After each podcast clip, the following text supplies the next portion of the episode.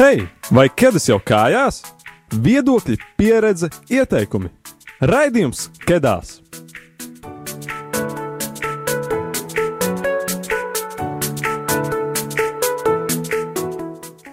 Čau! Ir 3. februāris un pulksten 8. vakarā, un tu klausies jauniešu raidījumu Kedās. Kā jau katru mēnesi par uh, tematu var balsot, var balsot, var izvēlēties no piedāvātajiem, un varbūt, ja tu jau atceries, decembrī mums bija tēma seksualitāte. Un es arī tajā raidījumā minēju, ka mēs noteikti taisīsim vēl kādu reizi par šo tēmu, jo šī tēma ir diezgan plaša un, un uh, nevar ietilpināt tādā vienā vakara raidījumā. Tāpēc arī šoreiz mēs runājam par seksualitāti. Tātad var uztvert to, ka šī ir tāda kā otrā daļa uh, par šo tēmu. Un droši, ja neesi noklausījies pirmo daļu, droši to var aiziet izdarīt. Uh, šobrīd mēs esam arī pieejami Spotify, uzrakstot Kedās un tāpat arī Radio Marijā mājaslapā. Un par ko tad mēs īsti runāsim šajā raidījumā? Par tādiem nērtajiem jautājumiem. Un kā arī šoreiz raidījumā dzirdēsim tikai mūsu klausītāju uzdotos jautājumus. Šovakar runāsim par šķīstību, par un ap to, par vienzimumu attiecībām, kā arī dzirdēsim kādu jauniešu pieredzi laulības dzīvē. Pirmajā daļā dzirdēsim māsu un klīnisko psiholoģistu Inesi Lietuvieti un priesteri Andžeju Lapinski. Toties otrajā daļā pēc dziesmas pieredzes stāsts, kā izdzīvot šķīstību laulībā. Runās Ineta un Aleksandrs. Un nu esam jau sazvanījušies ar pirmajiem diviem viesiem un ķersimies klāt un sāksim runāt, jo laika nav, laiks nav viss vakars, tāpēc ir diezgan ierobežots laiks. Un, um, jā, vai jūs varētu pāris teikumos iepazīstināt ar sevi? Labvakar! Mani sauc māsa Inese, un patiešām vairāk kā desmit gadus es praktizēju kā psihologs, arī kā kognitīvi behaviorālais terapeits. Un um, man ir milzīgs prieks arī būt šovakar šeit kopā ar, ar jauniešiem, mm, jo īpaši tāpēc, ka tas ir tieši jauniešu pašu iniciatīva uzdot šos svarīgos jautājumus. Priesteri? Jā, labvakar. Es esmu, mans vārds ir Andrzejs, es esmu katoļu priesteris jau astoņus gadus. Uz dotu brīdi es eh, kalpoju Rīgas garīgajā seminārā un pasniedzējs, kā arī par semināru inspektoru. Paldies jums par, par ielūgumu. Un uh, Instagram profilā Kedās uh, jautājām mūsu sekotājiem, kas viņuprāt ir šķīstība. Un atbildes bija ka tā ir atturēšanās no jebkāda grēka un ka tā ir vērtība, kas jāsargā. Māsa Inese un priesteri Andžei, kā jūs teiktu, jeb definētu, kas ir šķīstība un ko nozīmē saglabāt šķīstību? Man ir kāds mazs stāsts, varbūt tāpēc es lūkšu priesteri Andžai pirmo izteikties. Ziniet, eh, šķīstība ir tāda tiešām ļoti komplicēta un lieta, tāpēc eh, tā grūti izteikt tā ļoti īsi, kas ir šķīstība. Eh, ir, tāda ļoti bieza grāmata, baznīca saucās Katoļu baznīcas katehisms. Tur ir arī aprakstīts varbūt tā sīkāk par to šķīstību, bet tur ir tāda diezgan sarežģīta definīcija, bet, nu, ja mēs to tā cilvēciski nosauktu, tad šķīstība palīdz virzīt seksualitātes spēku sevis dāvāšanas virzienā. Tā iet roku rokā ar mērenības tikumu, par to nedaudz, nedaudz vēlāk. Proti, prasa iegūt prasmi valdīt par sevi, jā, lai izkoptu sevi patiesu brīvību, ka es spēju valdīt par savām kaislībām. Citādāk manas kaislības mani paverdzinās un laupīs man, manu brīvību. Tas viss ved mani uz to, ka es sāku uzvesties balstoties uz savām izvēlēm, balstoties uz savu brīvību, nevis pakļaujoties vien kaut kādiem miesiskiem impulsiem un un, un, un instinktiem. Šodienas tā brīvības koncepts mūsdienu pasaulē ne visiem ir saprotams, jo eh, tā, tā brīvība ir nu, saprast, ka es varu darīt visu un jebko. Tas var būt tāds triviāls, eh, varbūt piemērs, eh, nu, kā ja es stāvu pie luksafora, ziniet, un sarkanā, sarkanā gaisma deg, un tad es varu braukt vai nevaru braukt. Nu, tas luksofors mani ierobežo vai neierobežo. Un, ja es aizbraucu, tad labākā gadījumā mani vienkārši apstādinās policija, sliktākā gadījumā varbūt kāda nelēmē. Tas nav, nav stāsts par kādu, kādu ierobežojumu, tas ir stāsts par īsto brīvību, par tādu iekšējo, iekšējo brīvību. Bieži nākas dzirdēt arī tā, ka, ja jau visi šie instinkti ir dieva doti, kā, kā viņi var būt grēcīgi. Ja? Kā viņi var būt grēcīgi, ja tos dievu, deva dievs. Un, un, nu, pareizi tas ir tā varbūt ne līdz galam, tāpēc ka tiešām Dievs mums devis šo brīnišķīgo dāvanu. Šīs brīnišķīgās dāvanas tomēr grēka dēļ, e, tā mūsu seksualitāte, nu, ir ietekmēta un kaut kā iedragāta. Un seksualitāte var vest cilvēku egoismā. Un savukārt šīstība man palīdz sabalansēt šo grēkas iedragātu seksualitāti. Pārkāpums pret šīstību tātad ir nevaldīta kāra pēc seksuālas baudas, kura pati par sevi ir laba un dieva svētīta. Jā, tas ir tāds mīts, kā, kā nezinu, baznīca saka, ka seksuālas attiecības vai tā bauda, ko dod seksuālas attiecības, ir kaut kas slikts, tā nav taisnība, tā ir dieva svētīta. To, tomēr tā ir jābūt tāda noteikta kārtība. Proti, izdzīvot to seksuālo baudu, nu, divi momenti - dzīvības tālāk nodošana un laulāto savstarpējs labums ja mēs runājam šeit, eh, tad, par seksuālām attiecībām, tad eh, šeit iet arī roku roka laulības koncepts. Eh, ir tāds bieži vien mīts, ka, ka, ka baznīcā ir nu, uzskata, ka seksuālas attiecības ir pieļaujamas tikai dzīvības tālāk nodošanas kontekstā. Tā nav taisnība.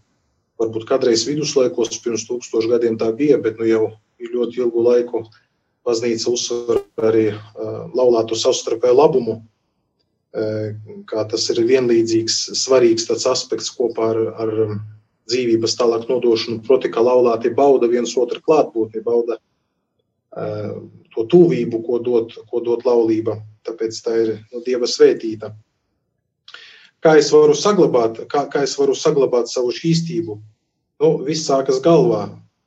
Te ir gan pārdabiski līdzekļi, gan gan arī tādi parasti līdzekļi, bet visam ir kopīgs pamats. Proti, jautājums par to, ar ko es baroju savas smadzenes. Ja es kairinu savu jūtekliskumu un, un savu psihoemocionālo pasauli ar visu to, kas pēc definīcijas eh, nu, ietekmē eh, seksualitāti un šķīstību, piemēram, eh, piemēram nepiedienīga uzvedība, gerbšanas stils, pieklājības trūkums, slinkums, pornogrāfija, erotika un tādas lietas tad, protams, tas neveicinās manī šķīstības, šķīstības tikumu. Tā kā vienā teikumā, ja to visu tā rezumēt, tad šķīstība ir palīdz virzīt seksualitātes spēku sevis dāvāšanas virzienā, nevis egoismā. Mhm. Tā ļoti ātri, protams, tas bija. Tas tik ļoti, tā, man liekas, izsmeļoša mm, skaidrojuma. Es varu padalīties ar vienu mazu stāstu. Uh, kas man ļoti palicis atmiņā no manām studijām. Es studēju Polijā, un um, tur, tur bija mm, tāds notikums, ka pie mums atbrauc ciemos Daniels Anšs, tāds uh, priesteris un jauniešu kopienas dibinātājs. Um, tāds īpašs arī cilvēks, kurš ir rakstījis ļoti labas grāmatas par, par seksualitāti, par, par miesu, miesas teoloģiju. Un, un tāds, var teikt, ļoti īpašs cilvēks, kurā ieklausās daudzi jaunieši. Um, meklējot arī šos, šīs atbildes, un viņš viņam tajā dienā piešķīra mūsu universitātē mm, doktoris, doktoru honoris causa, kaut kādu godu, goda titulu, un es atceros, ka viņš vienkārši atbrauca pēdējā brīdī izkāpa no mašīnas, tāds mazliet jau sasvīdis pēc visa ceļa, viņš bija gatavs stāties milzīgas auditorijas priekšā un runāt ar jauniešiem. Un tas man likās tik aizkustinoši un tik vienkārši, šis cilvēks ļāvās nu, tiešām dalīties no sirds ar, ar, ar savām nu, dziļākajām pārdomām. Un, Un tāpēc man kaut kā ļoti palika atmiņā tas, kā viņš skaidroja šo šķīstības nozīmi, ka nevis kā likumu, vai kā noteikumu, vai kā kaut kādu pienākumu, vai morālas saistības, kas ir jāpilda katoļiem, bet viņš salīdzināja šķīstību ar, eh, ar ozona slāni, kas sargā zemi no saules stariem. Nu, skaidrs, ka saule ir laba un tā ir liela dieva dāvana, ka ir saule, ka mums ir diena, ka mums ir iespēja arī izaudzēt uz šīs zemes um, dažādas augļus un dārzeņus un, un, un tā tālāk. Bet tas viss ir iespējams tikai tāpēc, ka ir ozonas slānis. Un šobrīd jaunieši daudz interesējas par ekoloģiju un zina par šiem nu, ekoloģiskiem apdraudējumiem, kad veidojas um, kaut kādi caurumi, un, un, un līdz ar to zeme tiek nu, saņem pārāk lielu radiāciju, vai nu, ļaunākā gadījumā var notikt tas pats, kas notiek uz citām planētām, kur nav ozonas lāņa, un tur arī nav dzīvības. Un, un līdz ar to šķīstība, kas, protams, ir tāda labprātīga sevis ierobežošana, viņa ir ar lielu mērķi, lai no attiecības tā mīlestība, kas dzimst starp diviem cilvēkiem, lai viņa būtu ļoti auglīga, ļoti skaista, lai viņa sasniegtu dieva lielāko dāvanu, ko, ko, ko Dievs vēlas dot diviem cilvēkiem. Tā kā, es domāju, ka, lai arī cik tas vārds šķīstība mūsdienu pasaulē liktos tāds old school, vai novecojis, vai nesaprotams, vai neiespējams, vienmēr jāmeklē, kāpēc viņa ir vērtīga, kāpēc ir vērts. Un tas noteikti ir nu, šī, šis, tas, kas notiek, kad Zemē apkārt ir ozonas lānis, kad saules stari nav radioaktīvi. Jo arī tā iekāra, kas radās starp vīrieti un sievieti, viņa reizēm var būt arī radioaktīva un, un nemaz neveicināt izaugsmi un, un tādu personības pilnbriedu.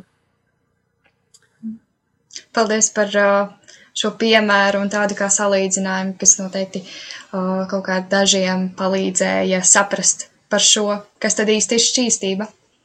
Bet uh, kā atšķirt, vai tiek izjusta iekāra vai arī tomēr mīlestība? Es varbūt pat paturpināšu, jo tas ir par šo iekāri, kas, kas protams, rodas cilvēku starpā. Un, Un, un tā ir daļa no mīlestības, bet nav, tas nav viss. Ja? Tas ir tāds pirmais impulss un ļoti svarīgs impulss, un nevar to noliegt, un viņš ir nepieciešams.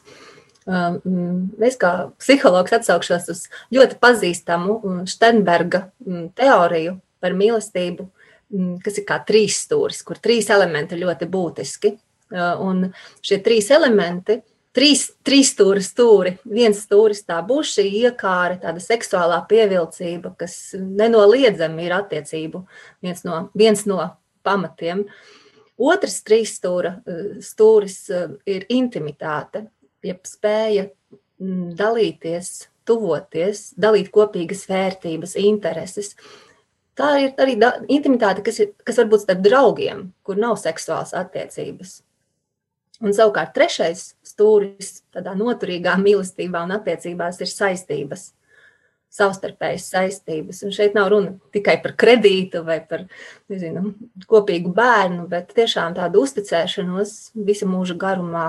Un, diemžēl tas, kas, ko nākas redzēt sabiedrībā, bieži vien trūkst kāda no šiem trim elementiem. Um, jā. Un, un ļoti skumji arī, ka daudzas attiecības tomēr balstītas tikai un vienīgi uz, uz vienu elementu, jeb iekāri, kas, protams, negarantē stabilitāti un noturību.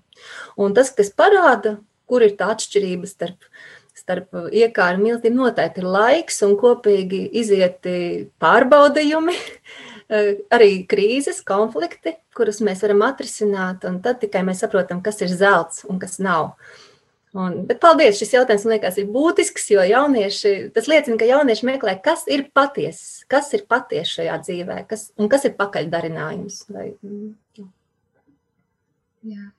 Priesteri Andžai, vai ir varbūt kāds komentārs pie šī jautājuma? Par, par iekāri, ziniet, es domāju, ka balstoties uz šo jautājumu, kā atšķirt, vai tiek izjusta iekāra, vai tomēr ir mīlestība, man liekas, ka šeit klausītājs gribēja tieši to iekāri tādā varbūt negatīvā kontekstā kaut kā nu, tieši uzdot iekāri tieši kā tādā, nu, kā kaut kas tāds, tāds grēcīgs varbūt, jā, un um, iekāra neizriet pati par sevi ne no vīrieša, ne no sievietes dabas, ne arī no viņu attiecībām, bet viņa iekāra tāda negatīvā kontekstā izriet no, no grēka.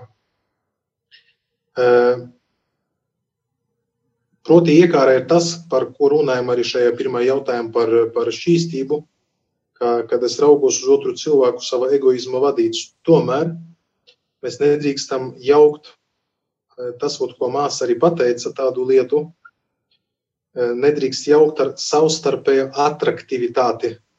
Ja? Savstarpēji tā ir tāda, nu, varētu nosaukt iekāri, tāda varbūt pozitīva ziņā, tā kā to māsa šeit pateica. Proti, kaisle. Kaisle. Kaisle, jā, tas ir kas starp jauniešiem, un ne tikai starp jauniešiem, ir tā savstarpēja attraktivitāte.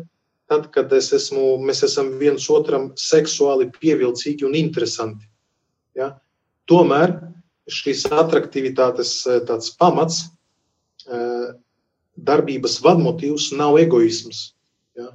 bet sevis dāvāšana otrajam cilvēkam, otrajam cilvēkam un pieņemšana arī ar visu atbildību, ar visu, kas izriet no, šim, no, šīs, no šīs attraktivitātes. Iekāre, tāda negatīva izpausme, izriet no egoisma, bet savukārt mīlestība, tas ir, tā nav iemīlēšanās. Ja? Mīlestība tas ir tāds ilgāks process, tas ir lēmums, tā ir pašaizliedzība.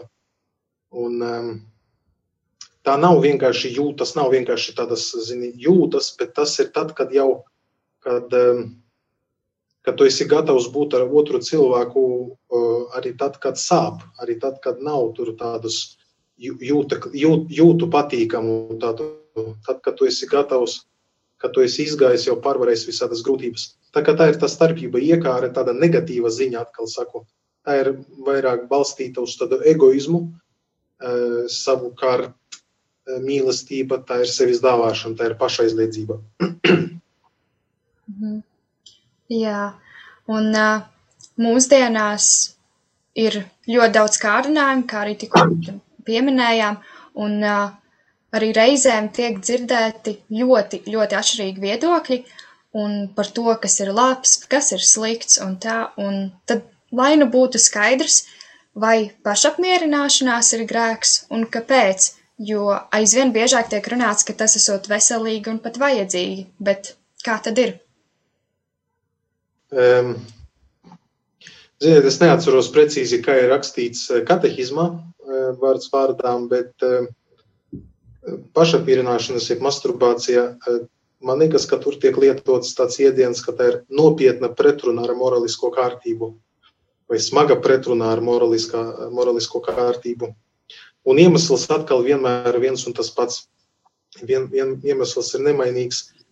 Ja es meklēju seksuālu baudu ārpus laulātu labuma, dzīvības tālāk nodošana, tā ir tendēta uz sevi, tā ir egoistiska. Tā nav domāta, lai es to seksualitāti realizēju dāvājot sevi citiem. Ja, bet tā ir tendēta uz tādu primitīvu nu, tādu tendenci uz sevi. Tas tā ļoti īsi par, par, par pašapmierināšanos. Jā, tas ir grēks, protams. Un arī tas, ko es saskatu bieži vien jauniešu vidū, mm, ka, protams, ka tas nu, ir, ir arī daļa no sevis iepazīšanas procesa. Un, un arī mēs redzam, bieži vien arī maziem bērniem ir šī interese par saviem dzimumu orgāniem, un viņi atklāja tās patīkamās izjūtas, ko, ko rada šī pieskaršanās dzimumu orgāniem, un arī neapzinātā veidā sevi caur to mierina, kas nu, būtībā nav tam īpaši jāpievērš uzmanība, jo, ja to nepastiprina, tas arī pāriet. Uh, Nu, katrā ziņā daļa jauniešu saskarās ar šo problēmu, un es pat teiktu, ļoti liela daļa. Un, diemžēl daudzi no, no jauniešiem, piedzīvojot šo savu nespēku šajā aspektā, ļoti attālinās no baznīcas. Jo, protams, ka šī grēka apziņa ir ļoti nomokoša. Un, līdz ar to es domāju, ka ļoti svarīgi arī ir nu, uzsvērt to, ka, nu, ka grēka būtība ir apzināta un gribēta darbība. Un bieži vien arī nu, masturbācija vai, vai sevis apmierināšana, nu, kas kļūst jau kā paradums vai kā, kā kompulsīva darbība, nu, tur šī apzināta vai gribētā daļa ir nu, nosacīta. Līdz ar to es teiktu, jā, tas ir grēks, bet tas varbūt nav arī nu, lielāks grēks kā daudzi citi grēki. Šeit varbūt neminēšu grēku piemērus, mēs katrs zinām grēkus. Un, un uh, būtu labi, lai, lai šī lai šī smagā nesakārtotība mūs neattālinātu no Dieva, kas bieži notiek. Nu, kā var teikt, tāds pirmais signāls, kad jaunietis dodas projām no draudzes vai no, no, no, no kaut kādas jauniešu kopienas, bieži vien tas ir saistīts ar to, ka viņam ir parādījušās grūtības seksuālajā jomā. Un uh, tad pie reizes jautājums jums, māsa Inese, Um, kas varētu varbūt uh, palīdzēt atbrīvoties no pašapmierināšanās, no šīs tādas tā kā veida atkarības? Es domāju, ka tas ir ļoti labs jautājums. Un, un um, pats svarīgākais man šķiet ir mm, spēt uzticēties vismaz vienam cilvēkam un par to pastāstīt ļoti atklāti un nopietni. Jo nu, šis, šis noteikti kristiešiem ir saistīts ar lielu kaunu šis, šis, šis grēks vai šī atkarība. Bet ļoti bieži arī nu, šī mm, problēma uzslāņojas uz dažādiem emocionāliem ievainojumiem, mūsu nedrošību, kaut kādu paštēla mm, defektu vai, vai tādu nepārliecinātību par sevi, kā par sievieti vai kā par vīrieti, vai, vai nesakārtotām emocionālām lietām. Nu, grūti arī atrast tādu vienu skaidrojumu. Un, uh, tas parasti arī ir tas lielākais uzdevums - saprast, kāpēc man to vajag, kas ir tas, ko es gribu mierināt sevi ar šo nu, masturbāciju. Kas ir tā, nu, manas emocijas, manas nepiepildītās vajadzības, kas, kāpēc man tas tik ļoti ir svarīgi un vajadzīgi. Un tad, ja es spēju atpazīt to lielāko sūci, ja, tad dziļuma kaut kādu traumu, ievainojumu un spēju arī mācīties jaunus veidus, kā nu, stiprināt savu paštēlu, savu, savu identitāti, arī savu apziņu, pašapziņu, tad arī mēs kļūstam stiprāki un tas nav nepieciešams. Bet būtībā visgrūtākais ir sevi saprast tajā, un tur var palīdzēt tikai un vienīgi es uzskatu, ļoti mm, uzticams pavadonis, garīgais vadītājs, terapeits, nezinu, priesteris. Jā. Par šķīstību mēs vēl dzirdēsim pēc mūzikas pauzes, kur dalīsies pāris viņu pieredzē, bet kā mūsu otrā jautājuma sadaļa, kurā klausītāji uzdeva jautājumus, ir par vienzimumu attiecībām, un man liekas, jau gadu laikā, jau, jā, vispār laiku, laikam ejot, ļoti daudzi, ļoti daudz uzdeva jautājumu tieši par vienzimumu attiecībām, un tāpēc, jā, jautājums, kā rīkoties ticīgam jaunietim, ja saprot, ka piesaista sava dzimuma pārstāvis? Es domāju, ka tas ir ļoti līdzīgi atbildi kā par šo mm, pašapmierināšanos, mm, ka tur arī ļoti nepieciešams ir labs mm, ceļa biedrs, jo mm, viennozīmīgi mm, tā ļoti nopietna lieta atpazīt sevi šo tendenci, šīs, šo orientāciju, tas, tas ir absolūti grūts notikums un absolūti nu, kritisks, es teiktu. Uh, Un, uh, diemžēl nu, šobrīd aizvien vairāk uh, tiek runāts par to, ka tā ir nu, iedzimtība, ne tik daudz uh, tiksim, sociāli, um, sociāli iegūta mm, orientācija vai, vai izlaidība vai, vai, vai kaut kas tāds, bet bieži vien tā ir iedzimtība, plus ļoti daudz arī tādi sociālie faktori, vides faktori, arī filmas un, un, un, un kultūrā. Uh, tāds kultūras ietekme, kurā mēs dzīvojam. Mēs, diemžēl, neesam izņemti ārā no kultūras. Un līdz ar to, ja kāds saskarās ar šo nu, dziļo jautājumu, es teiktu, ļoti svarīgi ir atbalsts no kāda cilvēka. Jo tas nozīmē, nu, nu, tas nozīmē, ka viņam nāksies pārstrādāt ļoti daudzas lietas savā dzīvē. Un, un vissvarīgākais man šķiet, lai viņš nepiedzīvo to atmestību vai tādu nu, nosodījumu, kas viņam vēl ātrāk liks meklēt atbalstu nu, LGBT kopienā? Priesteri? Paldies, tas ir ļoti, ļoti labs jautājums. Kā šeit jau māsā arī pieminēja, noteikti esam dzirdējuši, kā zinātniskajā vidē ne visiem ir viens prāts attiecībā par homoseksualitātes avotu un iemesliem. Netrūks tādu, kuri, kuri saka, ka tā ir tāda iedzimta tendence, tendence un Eh, citi aizstāv savukārt viedokli, kā tā ir iegūta. Bet neskatoties uz to, šis jautājums ir ļoti aktuāls. Tomēr es gribētu, lai tā varbūt labāk atbildēt, nedaudz viņu pārfrazēt, pārtaisīt. Un eh, šo jautājumu uzdot sekojoši, ko es meklēju baznīcā. Jā, ko es meklēju baznīcā eh, ar, ar visu savu homoseksualitāti vai arī bez tās ja es baznīca meklēju Kristu, un ja es to, ja es Kristu atrodu baznīcā, un ja es gribu būt kopā ar viņu, tad, proti, ja es esmu tiešām tas, kas šeit arī jautājama, tas ticīgs jaunietis, kā šeit jautājumā, bet tā, ziniet, nu, vārda īstajā nozīmē ticīgs. Nevis ticīgs līdz kādam tādam, nu, kādam uh, grūtībām, bet ticīgs arī savā, savā krusta ceļā. Tad kad, tad, kad nav viegli, ticīgs tad, kad nav viegli.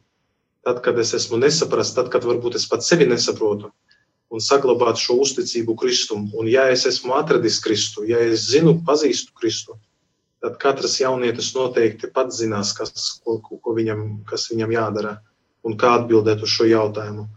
Ja, ja um, grēks ir tas, kas mani šķir no Kristus, savukārt negrēks tas, kas mani loģiski nešķir eh, no Kristus. Un, eh, līdz ar to, ja es esmu tiešām esmu iegremdēts Kristu, esmu iepazinis Kristu, tad es varēšu atbildēt uz šo jautājumu pats. Protams, eh, tas nebūtu nenozīmē, ka tāds ticīgs jaunietis ir pasargāts no kļūdām un, un kritieniem. Nē, absolūti. Jā, bet arī tam tai kļūdai eh, ir pavisam cita kvalitāte, ir pavisam cita garša. Eh, tā kļūda vairs nav, nu, kā es gribu baudīt pēdiņās, baudīt dzīvi, bet tā kļūda ir tāda, var man palīdzēt apziņa, ka man ir vajadzīga Dieva palīdzība, vajadzīga ticību kopienas palīdzība, lai, lai, lai kaut kā pieņemt sevi un, un, un dzīvot ar to. Baznīca, protams, ar visu no tādu dziļāku um, nu, tādu iejūtību raugās vismaz oficiāla līmenī. Es runāju par tādu oficiālu nostāju. Diemžēl praktiski tas nevienmēr ir tā, bet nu, savā oficiālajā eh, tādā vēstījumā, jā, ko Kristus saka tie, tādiem cilvēkiem, raugās ar visdziļāku līdzjūtību un tādu visdziļāku nu, tādu akceptēšanu. Tomēr šeit ir jā, jāskatās uz tādu, eh, tādu kristīgo principu, ko arī dzīvoja, ar ko dzīvoja pats Kristus, jā, grēciniekam, nē, grēkam. Ja? Un tas ir ne tikai šajā sfērā, tas ir jebkāda sfērā. Nevajag arī kaut kā kultivēt tieši šo, šo problēmu, jebkāda situācija. Kungs Jēzus vienmēr meklē un, un ir žēlsirdīgs pret katru, kas pie viņa griežās, pret katru, kas viņu meklē. Tomēr viņš nekad neiet kompromisā ar patiesību. Tāpēc šis princips jāgrēciniekam, katram, katram grēciniekam, neskatoties uz uz to, cik mēs smagi būtu pakrituši. Jo beigu beigās es arī esmu eh, tikai cilvēks, es arī esmu ar, saviem, ar saviem, savām kļūdām, saviem kritieniem. Ja, un, un kungs mani pieņem, un citi cilvēki mani pieņem. Taču ar visu to backgroundu, kas man ir, eh, cilvēki ir, ir žēlsirdīgi, iejūtīgi attiecībā pret mani. Bet tomēr eh, grēks ir grēks. Un, un, ja mēs skatāmies no, no tādas varbūt veselas pestīšanas arī perspektīvas, tad, protams, baznīca aicina tādus cilvēkus dzīvot šķīstībā. Un tad noslēdzošais jautājums šajā šī raidījuma pirmajā daļā pirms mūzikas pauzes ir, kā apkārtējiem, kā mums rīkoties un izturēties pret šādu cilvēku? Nu, es varbūt varu paturpināt, būtībā tas es jau laikam atbildēju arī uz šo, uz šo, eh, uz šo jautājumu. Eh, Rīko uzvesties kā ar jebkādu citu. Tas nozīmē izslēdzot jebkāda veida diskrimināciju. Eh, ja mums nu, par to kristīgo principu jāgrēciniekam, ne grēkam, tomēr mums ir jāatcerās, ziniet, ka baznīca nav kaut kādu izredzēto klubiņš, baznīca kā kopiena. Tā sastāv no sabiedrības cilvēkiem. Tas nozīmē, ka baznīca lielā mērā ir arī atkarīga no tā, kāda ir sabiedrība. Un, eh, protams, ja cilvēks ir eh, nu, ilgstoši ir iesakņojies jau, jau baznīcā, ne tikai kaut kā formāli vai vizuāli, bet ja viņš tiešām iet šo Kristus sekošanas ceļu, tad viņš šo principu, jā, grēciniekam, nē, grēkam, viņš to ļoti labi izprot. Bet tomēr no visiem, visiem mēs to zinām, ka netrūkst arī cilvēku, kuri e, nav spējīgi vismaz pagaidām kaut kā saprast, eh, saprast šo, šo, šo konceptu.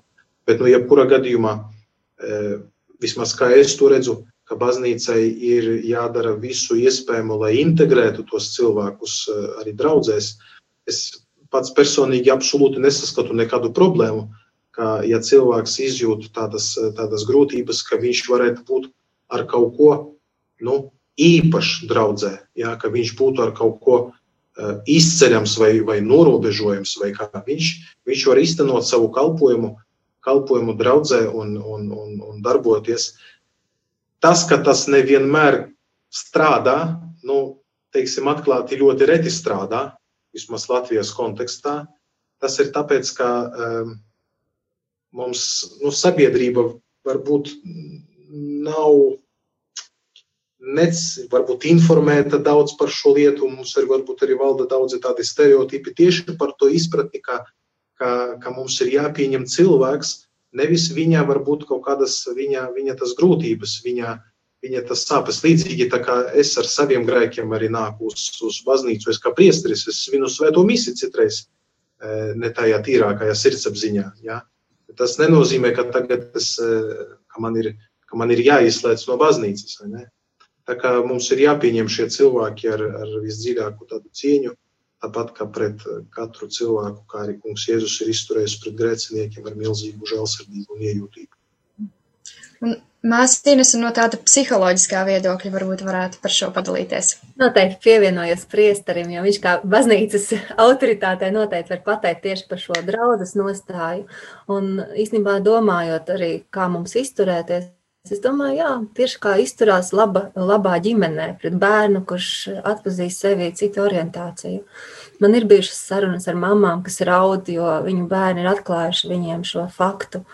Un, un tās ir bijušas ļoti dziļas un ļoti sāpīgas sarunas, un arī ļoti patiesas, godīgas. Un, nu, tur, tur tiešām nu, notiek tādi dziļi, dziļi procesi, gan vecāku sirdīs, gan bērnu sirdīs, kad viņi par to runā. Uh, Un, uh, nu, labi vecāki nekad neizmetīs bērnu ārā no ģimenes, tāpēc, ka viņam ir nepareiza orientācija. Nepareizi šeit būs nu, pēdiņās jālieto. Un, un, un tāpat arī Dievs noteikti neatmet nevienu cilvēku, neskatoties uz viņa orientāciju. Protams, ir šis jautājums par šo mm, intimitātes iespējām, intīmajām attiecībām, kuras nu, homoseksualitātes gadījumā nu, nebūs iespējams tādā veidā piepildīt. Tas ir liels krusts, līdz ar to nu, tas ir jāņem vērā. Es domāju, ka jācenšas būt nu, tiešām kā labiem vecākiem pret, pret bērniem. Jā, Paldies, paldies. Tiešām, kā jau es iepriekš minēju, mēs varētu runāt visu vakaru. Mums vesela konference var taisīt, varētu taisīt par šīm tēmām, bet tāpēc arī mums ir jau par par seksualitāti otrais raidījums, jo visu vienā raidījumā tiešām nevar ietilpināt.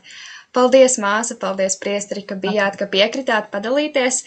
Un, jā, es, es ceru un es tiešām, man liekas, pat zinu, ka noteikti kādam šī informācija būs noderīga un aktuāla. Tāpēc paldies jums! Paldies! Un, jā, paldies. jā. Un tūlīt dodamies mūzikas pauzē. Un šim raidījumam, kā jau katru raidījumu, mums dziesmu izvēlas kāds no viesiem, un šoreiz mums māsa Ines ir izvēlēsies kādu skaistu latviešu dziesmu. Tad varbūt vari padalīties, kas šī ir par dziesmu un kāpēc jūs šo izvēlējāties. Es domāju, ka dziesma runās pati par sevi.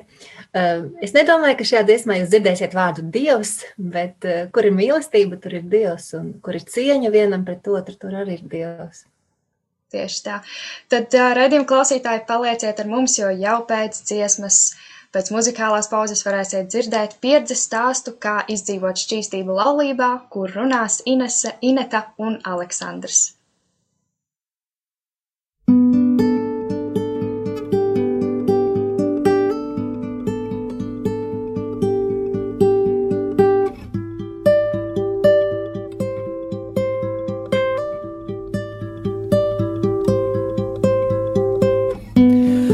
Mazā bilžu rāmītī man ir bilde tava, citas bildes pasaulē. Man tik skaistas nāvā, tur ir tāds kā novakars, saule laižas slīpī, zelta pienēnes tu sprauž kafija kanna snīpī.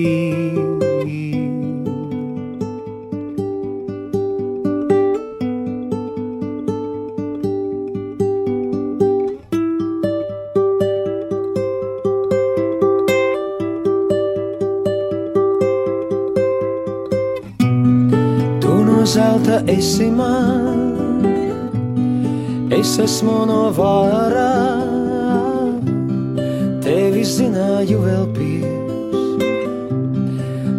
pasaules kārā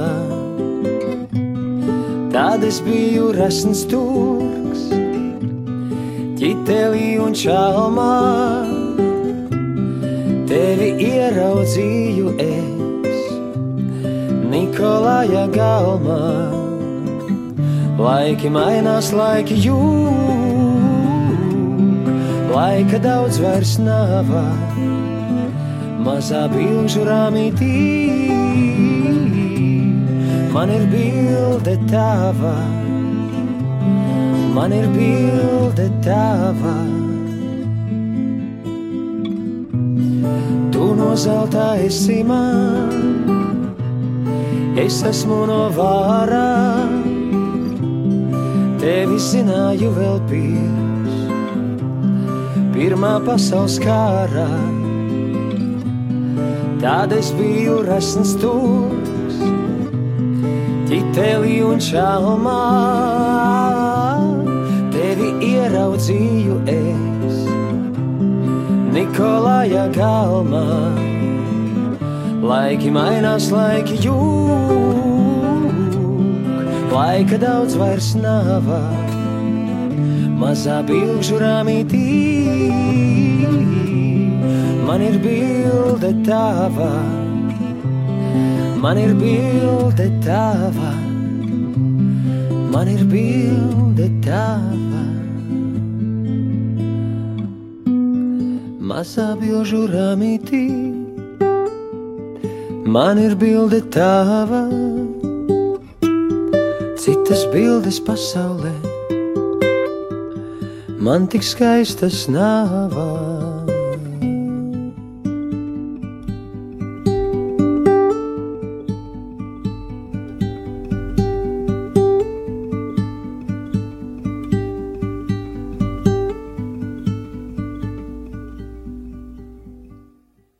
Skan raidījums Kedās. Esam atgriezušies no muzikālās pauzes, un jā, tu klausies jauniešu raidījumu Kedās. Šī mēneša raidījums ir par tēmu seksualitāte. Pirms muzikālās pauzes mēs runājām par šķīstību un vienzimuma attiecībām kopā ar priesteri Andžeju un māsu Inesi, bet tagad klausīsimies pieredzes stāstu, kā izdzīvot šķīstību laulībā, un pie mums ciemos uh, ir pāris, un tad vai jūs varētu iepazīstināt ar sevi? Sveiki, sveiki! Mani sauc Aleksandrs. Jā, un es esmu Ineta. Mēs esam laulātais pāris. Jā, nu jau divi gadi un septiņi mēneši. Jā. Mums arī ir brīnišķīgs dēliņš, Ītens. Jā, viņam jau ir gadiņš un trīs mēneši. Jā, tas ir tiešām tas ir tāda liela dāvana, ko mēs saņemam no, no Dieva. Jā, tiešām tāds mūsu mīlestības auglis, par ko pateicamies viņam. Kādi ir jūsuprāt ieguvumi un negatīvās puses gaidīšanai līdz laulībām? Kad es satiku Inetu, pagāja neliels laiks, kad es sapratu, ka tā būs īsta meitene, un eh, es ilgi nedomājot, sapratu, ka es gribu viņu precēt, eh, un eh, man ļoti gribējās tādas īstas attiecības. Es uz viņu skatījos ļoti nopietni, un man bija ļoti svarīgi, lai tas attiecības būtu tīras, tīras līdz laulībai. Jā, kad uh, Saša piedāvāja tādas šķīstas attiecības līdz laulībām, uh, ja godīgi, tas bija man tās ļoti liels atvieglojums, jo es arī biju kaut kā sirdī jau sen apņēmusies, ka es gribu saglabāt to šķīstību, un, um, un ka tas ir svarīgi. Un no dažādiem aspektiem, no dažādiem uh, skatu punktiem, uz to tā skatās ļoti tā dziļāk, tad uh, tiešām uh, ir ļoti daudz ieguvumu un uh, ir vērtīgi gaidīt, un tā šķīstībai ir pavisam cita tā vērtība. Man bija svarīgi saglabāt tīras attiecības, jo eh, pirmkārt tas, tas ir liels grēks, un eh, man liekas, ka Dievam tas ir ļoti patīkami, kad eh, kad mēs varam dzīvot un turēties pie Dieva un saglabāt to šķīstību. Jā, tas arī tā saikne ar Dievu netiek zaudēta, un uh, man arī bija ļoti svarīgi tiešām, uh, lai Dievs ir mūsu attiecībās, lai mēs tiešām arī lūgtos kopā un mums būtu tie sirdis Dieva priekšā, un mēs tiešām varētu arī saņemt tās žēlastības, ko Dievs mums uh, bija sagatavojis. Man bija ļoti svarīgi saglabāt tās tīras attiecības. Es mīlēju savu, savu sievu un ļoti gribu nogaidīt e, līdz laulībai, līdz laulības naktī. Un e, nevis, nevis, kaut, nevis iegūt kaut, kaut kādu izlaicīgu baudu. Nu jā, jo arī runā, ka īsta mīlestība gaida. Tiešām tas ir arī tāds veids, kā mēs arī, kā es jutos droši par, par par savu vīru, jo es zināju, ka viņš caur to, man liekas, nav vajadzīgs vēl lielāks pierādījums, ka tu tiec mīlēts, ja, ja vīrietis ir gatavs gaidīt un tiešām uzskata to par vērtību un tevi uzskata par ļoti lielu vērtību un ciena un pieņem un priecājas un saudzē tevi un grib tevi, tevi saudzēt un, un tiešām kā tādu dārgakmeni aprūpēt. Protams, ka tas laiks gaidīšanas dažreiz nebija viegls, jo es ļoti mīlu Inetu. Viņa bija tik skaista, ka man gribējās ātrāk veidot, tas, veidot to tuvību ar viņu. Nu, jā, bet manuprāt, mums mūs glāba tas, ka um, Saša ļoti ātri mani bildināja. Tas sanāk četri mēneši mēs tikāmies, un pēc četriem mēnešiem viņš mani bildināja. Es teicu, jā, un, un, un vēl pēc sešiem mēnešiem mēs jau salauzājāmies. Mums praktiski bija tāds nepilns gads, jā, kuru, kuru nu, manuprāt, tas tās ļoti, ļoti ātri un, un Nu jā, mums tā tā. Nevajadzēja tik ilgi gaidīt īstenībā. Nu jā, mani vēl glāba, manuprāt, arī tas, ka es biju ļoti diezgan aizņemta, jo man bija tās studijas, es rakstīju bakalaura darbu, es kārtoju tiesības, es gatavojos kāzām, es vēl strādāju pilnu slodzi paralēli. Un šīs aizņemtības tāds laiks arī bija tāds viens no glābiņiem, kad vienkārši, nu jā, tā mana ikdiena bija ļoti, ļoti piepildīta Un tad uh, bija bišķi nedaudz tā, tā vieglāk gaidīt. Bet, uh, ja runājot par sevi, tad, uh, jā, varbūt es saprotu, ka vīriešiem ir grūtāk gaidīt, bet, protams, es arī to gribēju, bet, bet, bet tiešām tas, tas mērķis, ka tu saproti, ka tu negribi izbojāt to laulības nakti, to, ka tiešām gribi tā to piedzīvot pilnībā, tā skaisti. Jo man liekas, vienā minūtē Vienā mirklī tu vari vienkārši sagraut pilnīgi visu, visu to skaistumu, ko tu daudzus gadus esi gaidījis un, un lūdzis, lai Dievs tev dod tavu otru cilvēku.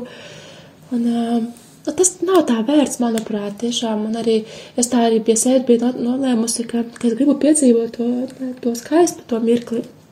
Un nevelti vienkārši tagad es to tik ilgi gaidīju, lai to visu tagad tā ļoti ātri izbojātu. Nu, ja runāt par negatīvām uh, negatīvo pusi gaidīšanai, manuprāt, es neredzu. Protams, nu jā, tur sabiedrības spiediens, tas, tas jā, varbūt tās jaunieši līdz, līdz galam varbūt tās kaut kā nesaprot eh, un nav informēti, kāpēc ir jāgaida.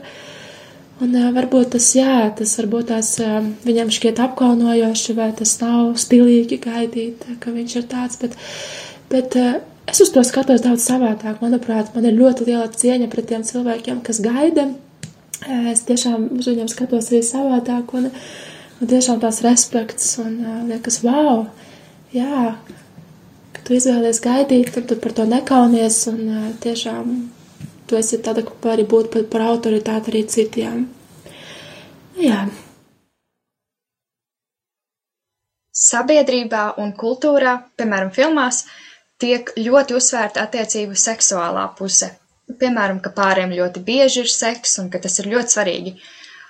Cik liela loma tam ir laulībā, kā jūs uz to raugāties, vai sabiedrībā tas tiek pārlieku uzsvērts, radīts realitātei neatbilstošs priekšstats, vai arī tomēr ir tiešām tik, tam, tiemēr, tomēr ir tik svarīga loma?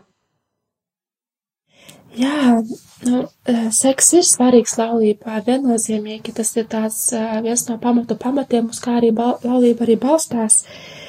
Bet, manuprāt, sabiedrību un kultūrā, nu, protams, nav, nav gluži tā, tā patiesība atspoguļota par, par seksu, par intīmām tuvībām, jo brīžiem vien liekas, ka par seksu vairs nekas laulībā nenotiek. Nu, tā nav. Ja mēs ņemam laiku, tad, protams, ņemam, piemēram, ikdienu. Nu, tad, nu, cik tur seksa aizņem tās minūtes, kaut kādas, nu, jā, tur kaut kādu konkrētu laika posmu, bet tā nav visa diena. Un tev ar to cilvēku jāpavada ļoti daudz laika kopā. Un, ja ir tikai seks un vairs nekas cits, ja nav apakšā kaut kādā garīgā saikne, kaut kādas vērtības un kaut kāda tāda nu, kopīgs mērķis, un tev nav ar ko parunāties ar viņu. Nu, protams, tas, tas, nu, tas tā nestrādā. Jā, seks ir svarīgs, bet tas, kā to, manuprāt, reklamē dažādās filmās, nu, tas nav gluži tā, tā. Protams, man kā vīrietim ir ļoti svarīgas tas, tas seksuālas attiecības, bet to, ko rada filmās, to, ko rada kaut kādas intimas scenas var ļoti, var ļoti izkropļot tas attiecības. Nu jā, tas tiešām to, ko mēs redzam, jo, ja mēs tā padomājam, tad tās scēnas, piemēram, filmā, kur apmēram, nu, varbūt tur minūti, divas, tur notiek tas mīlas ainas, ļoti skaisti un tā, bet patiesībā, lai to uzņemtu, ir tik daudz darba ieguldīts gan aktieriem, gan režisoriem, gan, gan tiem, kas tur to visu tā kā koriģē. Pat es pats kaut kā. Es tā iedomājos, ka tas tiešām var prasīt ļoti lielu darbu, ieguldīt, lai nofilmētu to ainiņu. Bet, nu, ja runājam par mums, par mūsu attiecībām, kā tad mums bija tik gludi, tik skaisti. Nē, protams, ka mums arī, mēs arī no sākumā saskaramies ar, ar kaut kādām grūtībām uh, seksā. Tas bija, tas nav arī tik vienkārši, ka rada tas pašas intimas scēnas, ko mēs redzam filmās, ka tur ir tik, tik gludi, tik ātri, tik skaisti viss, ka ka pat nevajag uh, tam uh, sagatavoties. Jā, Bet īstenībā tas ir tas liels process, tas ir, uh, tu vajag, sievieti vajag gatavot no paša rīta, ka tas vajag viņu aprinot, ka tas ir tāda kā liels process, tāds svarīgs process, nevis tikai man, bet arī sievai. Jā, jo, piemēram, sieviete arī nu, vismaz es kā redzu filmās, ka viņas ir tik laimīgas, viņām tur kaut kāda tur gadījuma sakari, un viņām tur viss sanāk, viss nonāk, bet, bet patiesībā sievietēm ir pavisam cita psiholoģija, jo viņas, viņas to seksu vairāk uztver caur galvu, viņām ir ļoti svarīgi, nu, vismaz arī to es pati piedzīvoju, ka man ir svarīgi, ka man ir vīrs, ka es viņam uzticos, ka viņš ir uzticīgs man, ka es esmu viņam vienīgā, Un tikai tad es varu pilnībā viņam atdoties savam vīram un tiešām gūt tādu arī nu, baudu, gūt tādu tiešām skaistu, patiesu um, tuvību. Un, um, Nu, jā, kā jau, kā jau vīrs minēja, tad mums sākumā, protams, bija tās reizes, kad mums nesanāca, mēs arī mēs mācījāmies, mēs mēģinājām saprast, iepazīt viens otru, Jo tiešām tās, tās sievietes uztvere par seksuālām attiecībām ir, ir savādāka nekā vīriešiem, un, un mums bija jāmācās vienam otru iepazīt un saprast, un tas ir tāds process, un, un šobrīd nu, mums ir labi, vai ne? Jā. Ko nozīmē saglabāt šķīstību laulības dzīvē, vai un kā jūs to cenšaties īstenot? Laulībā mēs e, ne, neizmantojam nekādus kontracepcijas metodēs, bet izmantojam auglības atpazīšanas metodi. Jā, es nezinu, cik daudz ir jāpastāsta par šo metodi, bet nu, būtība ir tāda, ka, ka sievietē ir e, auglīgās dienas un neauglīgās dienas e, mēnesī, un ievērojot šo auglīgo un neauglīgo laiku, tad arī, tad arī pāris var izlemt, kā ieņemt bērniņu vai atlikt bērniņu ieņemšanu. Bet laulājoties, kad mēs laulājāmies, mēs gribējām bērniņu uzreiz. Jā, un tāpēc, nu, principā mēs, nu, mēs bijām tādi brīvi īstenībā tajās attiecībās un, un tiešām gaidījām, kad, gaidījām, kad pieteiksies ītens mūsu dēliņš. Nu, jā, bet runājot par šķīstību, manuprāt, mēs tā spēcīgi izjutām tieši pēc dzemdībām. Jo pēc dzemdībām, kad, kad īdens piedzima, man bija diezgan tāds, nu, samērā smags atvesļošanās periods un, un nu, tādu diezgan pailgu laiku, manuprāt, gan 3-4 mēnešus mums nebija intīmās tuvības, jo gan fiziski, gan morāli, psiholoģiski es nebiju vēl gatava tam. Man vajad, bija vajadzīgs laiks, lai, lai, lai atgūtos, lai atjaunotos. Un, Un tajā brīdī es tiešām uz savu vīru paskatījos ar, tādā, ar tādu, tādām lielām mīlestības acīm, jo, jo visu šo laiku viņš nu, nereiz nebija man pārmetis vai, vai, vai mudinājis, kad tā nu būs un kad beigsies tavs tas laiks, kad tu, kad tu atjaunosies un tā. Un, un tāpēc, manuprāt, arī tā šķīstība pirms laulībām ir tik arī būtiska, jo nu, tādā veidā tu, tu vienkārši vari trenēt savu, savu, savas iegribas, savu gribu, jo tiešām laulībā būs tādi brīži, kad tu nevarēsi um, ļauties savām iegribām. Un, uh, jā, tāpēc uh, šis laiks bija tāds, uh, tāds pārbaudījuma laiks, bet mēs tā ļoti skaisti un, un, izgājām šim, šim laikam cauri. Man, kā vīrietim, protams, bija tā, nu, gribējās. Jā, un apzinoties, ka, ka sieva ir, ir dzemdējusi dēliņu, ka viņa, ka viņa tiešām uh, daudz pacientās un tā, un uh, es nevarēju savādāk uh, skatīties uz viņu, kā tikai uz mīlestību, ka, mm, un gaidīt, kad viņa izveseļosies un uh, tiešām pagaidīt tos mēnešus, saglabāt to šķīstību, to ģimeni. Nu jā, un arī tagad, kad uh, mums ir dēliņš, uh, tad arī mūsu tā, nu, intīmā dzīve arī nedaudz mainījusies, jo, uh, nu, mēs, mums ir īstenībā ir jāplāno tas laiks, kad mēs pavadīsim kopā. Un, uh, jā, un dažreiz īteniņš, nu, mēs parasti to plānojam tad, kad ītens guļ, visdrīzāk dienas laikā, uh, jo vakaros mēs esam noguruši, mēs paši gribam gulēt. Nu, jā, un tādā veidā arī mēs, nu, plānojot, arī saprotam, ka, ka jāpaciešās, ka, ka kaut kā jāatliek varbūt tās, un, protams, arī laulības dzīvē arī būs noteikti tādi posmi, periodi, kad varbūt kāds slimos, un, un tad, nu, nevarēsim mēs tad ļauties tiem visiem priekiem, bet tiešām paliekot tādā šķīstībā, mīlestībā, nu, tas ir reāli to pārvarēt un, un ļoti reāli to, to sagaidīt, to īsto mirkli. Paldies Inetai un Aleksandram par drosmi dalīties savā pieredzē. Paldies tev, klausītāji, ka klausījies mūsu raidījumu. Un nākamais raidījums jau 3. martā. Par ko? To uzzina mūsu sociālajos tīklos. Atā!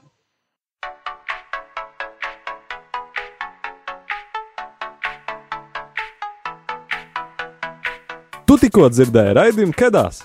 Seko mums Facebook un Instagram et raidījums Kedās. Tiekamies katru mēnešu pirmajā trešdienā, pulksten astoņos vakarā.